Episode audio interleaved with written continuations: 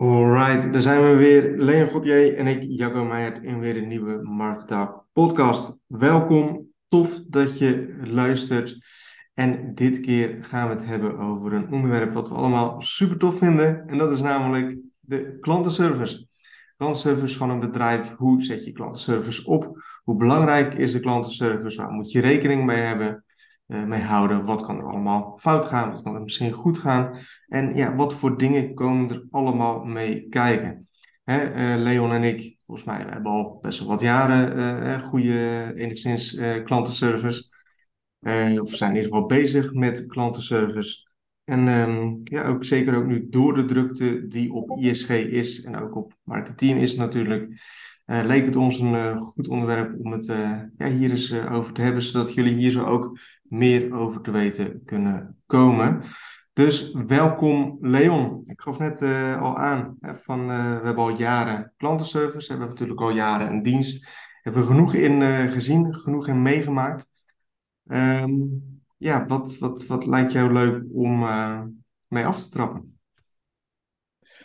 Uh, ja, ik zit ook eventjes te denken. Ik, ik, ik had net in één keer iets in mijn hoofd, een, een stukje uh, over klantenservice, wat misschien wel leuk is om te beginnen, is dat je steeds meer ziet dat het uh, wat informeler wordt en rechtstreeks naar de klant, zeg maar.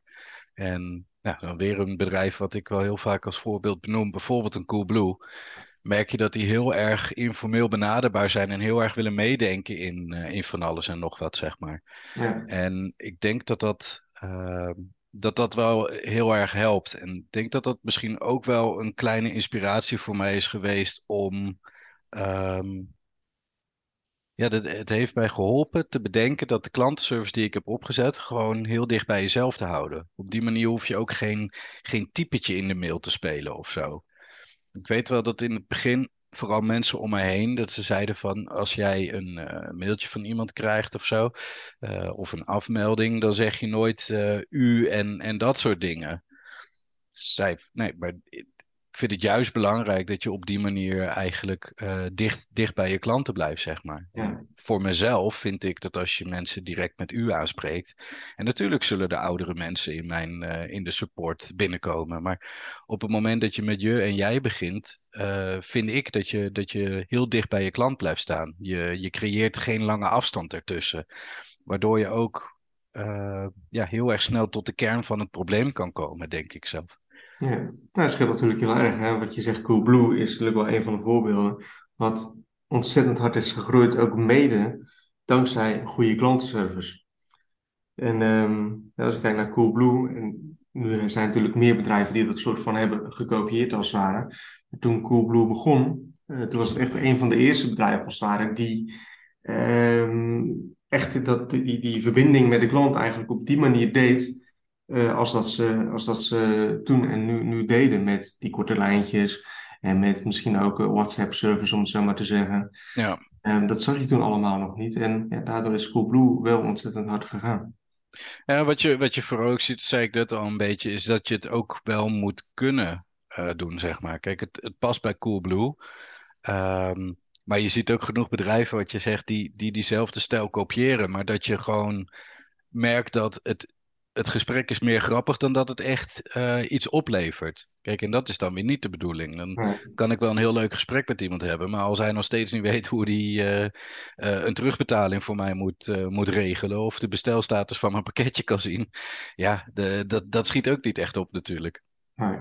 Nee. Dus ik denk dat dat wel keywords zijn dat, ehm, dat, dat support ook gewoon snel en efficiënt moet, moet zijn. Ja, dat is iets wat we, wat we denk ik de afgelopen tijd veel erg hebben gezien. Hè? Met, met de inloop van veel jonge mensen. Die verwachten als het ware binnen vijf minuten verwachten ze heel veel antwoord. Dat is toch iets ja, wat, ja, als ik naar mezelf kijk, als het ware niet direct verwacht. Ik ben dan ook wat ouder dan de meeste instroom van afgelopen tijd, 14, 15-jarigen. Mm Verwacht je, ik verwacht uh, één, twee dagen zeg maar als antwoord. Hè? Een beetje als uh, richtlijn. Um, maar de snelheid die jonge mensen nu, denk ik, met name verwachten, ja, moet heel snel zijn. Het is echt binnen vijf, tien minuten of binnen een uur, zeg maar, dat, dat er antwoord verwacht wordt. Ja, En ja, zie je gewoon dat het eigenlijk constant, ja, dat je daar zo mee bezig moet zijn. Hè? En dat eh, de klant is in dit geval wel een soort hè, koning, zeg maar. Mhm. Ehm, dus probeer je toch je bedrijf enigszins op aan te passen, in hoeverre dat, dat natuurlijk kan en ook eerlijk is. Ja, dat klopt. Ik denk dat wat je zegt, het is soms ook een moeilijke verwachting om ehm, direct binnen zoveel tijd te reageren. Dat kan er ook mee te maken hebben wat de klant als eh, ticket aangeeft, zeg maar. Ja, ik, noem het dan een ticket. Dat is omdat wij allebei, we hebben ons mailsysteem eigenlijk gekoppeld aan een ticketsysteem. Elke mail komt binnen als een ticket. Ehm, maar het, het is inderdaad, soms krijg je heel beperkte informatie, waardoor je bijvoorbeeld eerst weer drie vragen terug moet stellen. En dan is de doorlooptijd is dan best wel lang.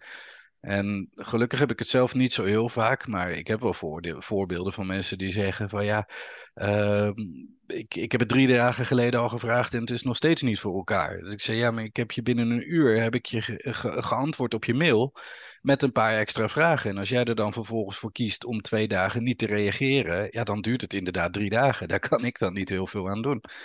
Maar die, die verwachting is, is inderdaad wel, eh, wel aanwezig. En ik denk dat het daarin goed is om heel open en transparant te blijven. En de klant ook eh, uit te leggen hoe het precies kan. In het begin had ik altijd zoiets van, je moet, ook al is een klant boos, je moet er niet tegen ingaan of zo. En ik denk dat je steeds meer leert dat er zeker wel een manier is dat je erop in kan gaan. Dat je kan uitleggen hoe het werkt. Sorry. Dikke voice. eh, Dikke voice change. Nee, maar, de- maar dat, je- dat, je, dat je ook kan uitleggen aan een klant waarom eh, je op dat moment niet aan zijn verwachtingen kan voldoen. Waar dat Ja. precies mee te maken heeft, zeg maar. hè? Eh, sorry, je was nog niet klaar. Nee, zeg maar, zeg maar. Ik, ik denk dat, dat het updaten van de klant, zeg maar, eh, dat dat wel een van de belangrijkste dingen is wat ik zie in onze klantenservice. Eh, als, als, als er iets moet gebeuren, bijvoorbeeld een refund of terugbetaling of wat dan ook, om op de hoogte te stellen van hey, refund duurt bij ons zeg maar 14 dagen. Ehm, in die tijd kun je je refund terug verwachten. Maar als je zegt van nou, je refund komt eraan en je geeft geen tijd als het ware aan, nou, dan heb je in die tussentijd heb je natuurlijk elke dag heb je een soort van mail van nee, we blijven refund, gaat hij nog komen? Enzovoorts. Maar ik denk dat eh, goede verwachtingen stellen in de klantenservice, dat dat een van de belangrijkste dingen is en dat je daar zo ook heel veel dingen mee kan opvangen. Klopt, dat is heel belangrijk. Ik probeer in de, in de marketingflow probeer ik ook heel veel te kijken of er trends zijn. Dus mensen die dezelfde vragen stellen, zeg maar. Ja. Eh, en daar wil ik dan naar handelen. Daar wil ik iets in aanpassen. Op een gegeven moment was dat heel veel met eh, de, de, de status van websites. Nadat mensen het live hadden gezet, daar heb ik een speciaal formulier van gemaakt. Dat mensen hulp met hun website kunnen opvragen. En die wordt automatisch gevuld met informatie. Of mensen bijvoorbeeld al een SSL-certificaat hebben. Zodat ik, zonder dat zij informatie geven, ehm, eigenlijk al heel veel informatie hebben gegeven. En wat dat betreft is het ook geen toeval dat we deze podcast eh, hebben. Want gisteren ben ik toevallig begonnen met, eh, met, met een nieuw stukje voor, voor marketing. Merken dat nu heel veel mensen wat meer moeite hebben met ehm, het, het live zetten van hun website op hun eigen domein. Nou, dat heeft ermee te maken dat er wat verschuivingen zijn geweest binnen Neostrada. Dat we nu andere eh, domeinaanbieders eh, eigenlijk adviseren te gebruiken. En daar, daar zijn af en toe wat probleempjes mee. Dus wat ik nu aan het doen ben, is dat mensen vanuit de website live zetten pagina eh, direct op een knop kunnen drukken met eh, de, het, koppelen van het domein lukt me niet. En als mensen daarop drukken, dan wordt er ook een, een, eh, een formulier automatisch ingevuld. Met wat hun website is, wat de beschikbare domeinen zijn. En er wordt gevraagd of zij op wat voor manier dan ook een login kunnen delen voor de domeinaanbieder. Zodat ik handmatig snel de aanpassingen kan gaan doen, zeg maar. Dus dat, eh, ik denk dat dat hele waardevolle dingen zijn. Je bent daar dan zeg maar een uurtje mee bezig om dat op te zetten. Eh, maar het zal je misschien tien uur aan support weghalen, omdat ja, je die trend voor bent en je dat dus voortaan gewoon kan delen met de klant.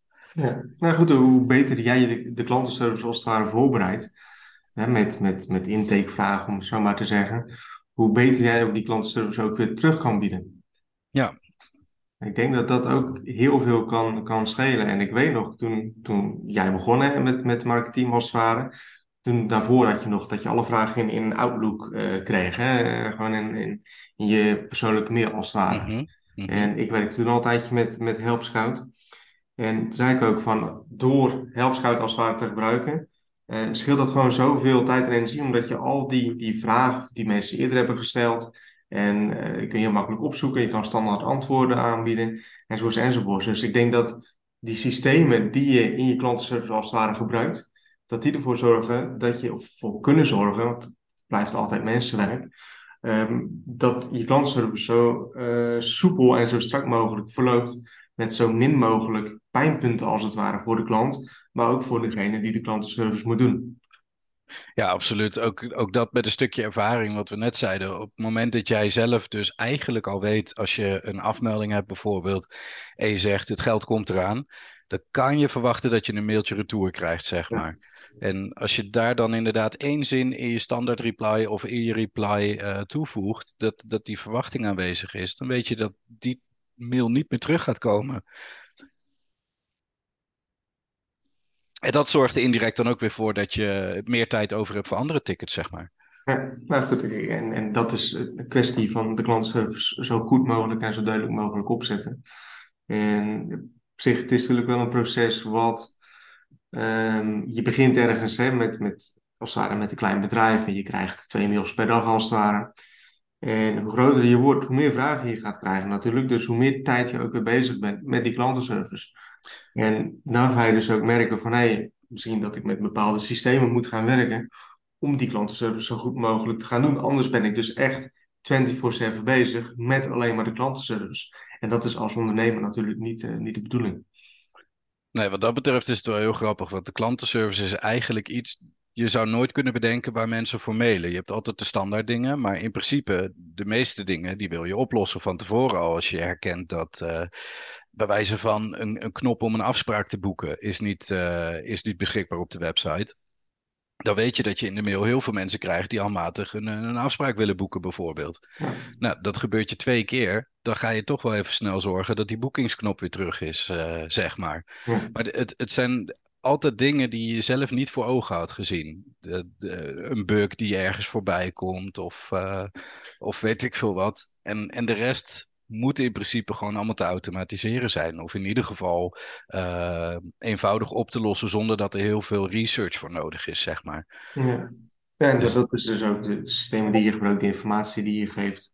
En die je ook gebruikt voor, als het ware, intake, voordat mensen een, uh, een vraag kunnen stellen, zeg maar, hè, over een bepaalde handeling van je vragen. Klopt, klopt. Ja. Um, ik, nog, nog even, ik vind het op zich wel leuk om, om te benoemen. De mensen die ons volgen, die weten dat afgelopen maanden, ik denk dat sinds augustus ongeveer, dat het echt extreem druk is geworden. Um, wat wij zagen is, um, wij hadden normaal gesproken, is het 50, 60 mails per dag ongeveer. We zagen toen ineens dat het van uh, 50, 60 per dag ineens naar de 100 ging, naar de 200 ging. Op hoogtepunt was het echt 500 of 600 mails per dag. En dat geeft natuurlijk niks, alleen je ziet dan wel van hé, hey, er komen ineens, wat is het, tien keer zoveel mails binnen. Dus ineens moet je er tien keer zoveel tijd aan besteden. En dan is het een kwestie van hoe snel kun jij schakelen of wat kun je ermee doen. En wij hebben toen op dat moment, hebben we van in plaats van één persoon op de klantenservice, zaten er ineens vier personen op. Um, maar dit is wel ook weer een kwestie van, kijk, het lijkt allemaal zo makkelijk, weet je wel, van, oh, je besteedt er meer tijd aan, of oh, je zet er een mannetje extra op. Maar die persoon die moet je ook weer inwerken, die persoon moet je ook weer systemen laten kennen. Um, er komen meer vragen binnen dan normaal, er komen meer andere vragen ook weer binnen dan normaal. Een aantal systemen die, dan, die, die wel gewoon goed werken als het ware met 50 mails per dag.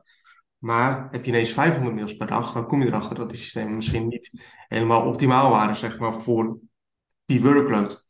En dat vind ik dan wel grappig om te zien als ik daar nog op terugkijk, want nu is het eigenlijk weer een soort van rustig geworden. Van hé, hey, wat, wat hebben we daarvan geleerd en wat zouden we daar zo in de toekomst anders mee kunnen doen? En dan op dat moment is het gewoon allemaal uh, bijspringen, zeg maar, en uh, gewoon knallen. Uh, maar achteraf ga je die systemen ga je aanpassen en ga je voor andere dingen voor opzetten, zodat je in de toekomst, mocht het nog een keer gebeuren, dat je er dan klaar voor bent, dat je weet wat je dan moet doen. En dat vind ik dan wel heel erg grappig om te zien, want onze klantenservice was met die 50 mails per dag was prima te doen met één persoon en uh, per dag ging gewoon allemaal goed. En eens was het dus echt tien keer zoveel. En dan, uh, als je dan in het weekend de klantenservice persoon niet werkt, zeg maar, had je ineens 1500 mails uh, na, de, na de vrijdagmail. En we blijven allemaal maar mensen. Dus die 1500 mails die dan één keer weggewerkt moeten worden, is voor één persoon is natuurlijk ook heel, heel erg veel. Um, dus dat was achteraf om te zien, was allemaal wel heel, uh, was allemaal wel heel veel. Maar het was allemaal wel heel leerzaam als het ware om, uh, om mee te maken. Ja, het, het is ook gewoon heel tricky. Af en toe komen er ook gewoon dingen voorbij dat, ja, dat maakt het ook lastig. Ik heb zelf toevallig een voorbeeld van, ik heb net even terug zitten tellen, iemand waar ik mee bezig ben met een, uh, een betaling die hij niet heeft gedaan. Dus die, die is gestorneerd. Nou, op het moment dat jij een actief abonnement hebt, moet je natuurlijk gewoon betalen, anders dan had je moeten opzeggen. En daar zit ik nu naar te kijken. En dat gaat dus over één betaling die die persoon gemist heeft, waar ik hem op attendeer dat die wel betaald moet worden. Hij geeft aan dat dat niet hoeft en dat dat, uh, dat het wel al gelukt is. Nou, heel erg over en weer verhaal dat je niet kan laten stranden, omdat je moet dat oplossen. Maar daar hebben we 47 mailcontacten mee gehad. Ja. En dat is enorm veel. Dat is één persoon die aangeeft dat hij een probleem heeft met zijn betaling, zeg maar. Als je ziet hoeveel tijd daar dan al zit en dan moet je de rest nog doen, ja, dan, dan beseffen mensen misschien sneller wat er, uh, wat voor tijd daarbij komt, zeg maar. Want ja. je wil ook niet iedereen, uh, wat je zegt, een berichtje terugsturen van bedankt, oké, okay, gaan we doen. Je wil alle informatie wil je bekijken. Je wil begrijpen wat de vraag van de klant is en je wil er direct naar gaan handelen. En dat is hetzelfde wat wij mensen wel eens aangeven van hou de support alsjeblieft efficiënt en via één kanaal. Want op het moment dat jij drie topics gaat maken op het forum, een bericht plaatst op Discord en drie mailtjes stuurt, al die informatie moet eerst bekeken worden voordat er een reactie teruggestuurd kan worden naar de klant. Want misschien missen we wel informatie in een van die berichten die je elders hebt gedeeld of in een latere mail of zo. Ja. Maar vaak is het alleen maar heb je al antwoord of uh, laat maar zitten. Ja, dan wil je dat toch wel even gelezen hebben van tevoren. Ja, dat klopt, klopt. Dat, dat is het wel. Als mensen, want dat zagen wij toen ook heel erg. En we hadden van tevoren, voordat we deze podcast opnamen, afgesproken van nou, we moeten niet een uh, slachtoffer podcast uh, gaan worden als het ware. Maar wat we toen ook heel erg zagen is van um, klant A die mailt om 9 uur s ochtends. Nou, had om 10 uur s ochtends nog geen reactie terug, dan stuurt nog een mail. Vervolgens komt die als het ware weer bovenaan in de support te staan, zeg maar. Of in de, in de helpdesk software, omdat hij mm -hmm. een mail heeft gestuurd. Ja. Uh, andere mensen gaan nog langer wachten, omdat er dus weer een mailtje tussen is gekomen. Vervolgens om drie uur s middags krijg je nog een mail. En die krijgen dan ook weer via een ander mailadres. Want die persoon die is bijvoorbeeld bang dat zijn mail niet aangekomen is via ja, precies. e-mail. Ja. dus en zo denken dus mensen werk. Stuur even een e-mailtje, weet je wel. Maar um, zeker in die drukte, door tien keer te gaan mailen en ook vanaf vijf verschillende e-mailadressen. Ja, kan ja, en als die systemen, daar zo, die systemen als het ware er niet op voorbereid zijn, ja, dan duurt het allemaal juist extra lang. En dat is iets wat afgelopen maanden gewoon heel erg, is, heel erg veel is gebeurd. Mensen die tien keer op een dag gaan mailen, verschillende mailadressen gaan gebruiken, via Instagram DM's gaan sturen, via het ledengedeelte topics gaan maken.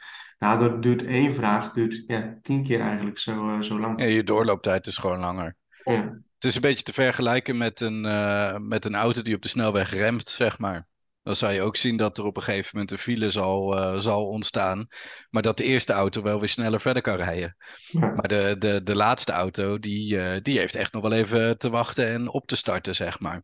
Ja, ja. en zo komen er telkens weer nieuwe auto's aan en zo. Uh... Ja, ja. Dus... Maar het telkens meer worden. Precies.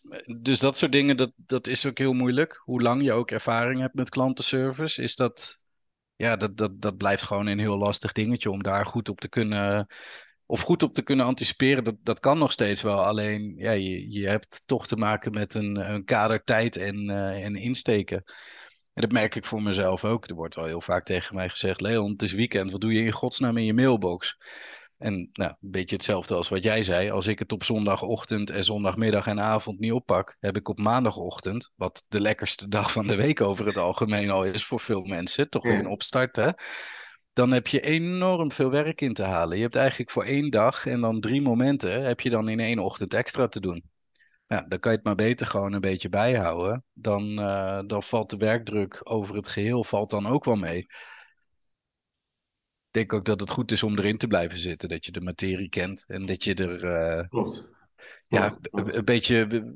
Voor mij helpt het heel erg om de, de gedachte te hebben dat, dat je er echt iemand heel goed mee kan helpen. En dat gelukkig in het merendeel van de gevallen mensen ook heel erg blij zijn met de, de support die je ze biedt. Dat je ze Ja. gewoon inhoudelijk een antwoord hebt kunnen geven die je hun weer verder kan brengen. Of dat je een stukje persoonlijk advies hebt kunnen geven. Dat je toch ja, gewoon net dat beetje extra hebt kunnen bieden, waardoor de positieve ervaring gelukkig over, eh, over de, de negatieve ervaringen schaduwt, zeg maar. Ja, maar dat, dat is ook eigenlijk waar je zelf ook het meeste energie in wil steken, toch? Er zijn ook, natuurlijk, grievance horen erbij, annulering horen erbij.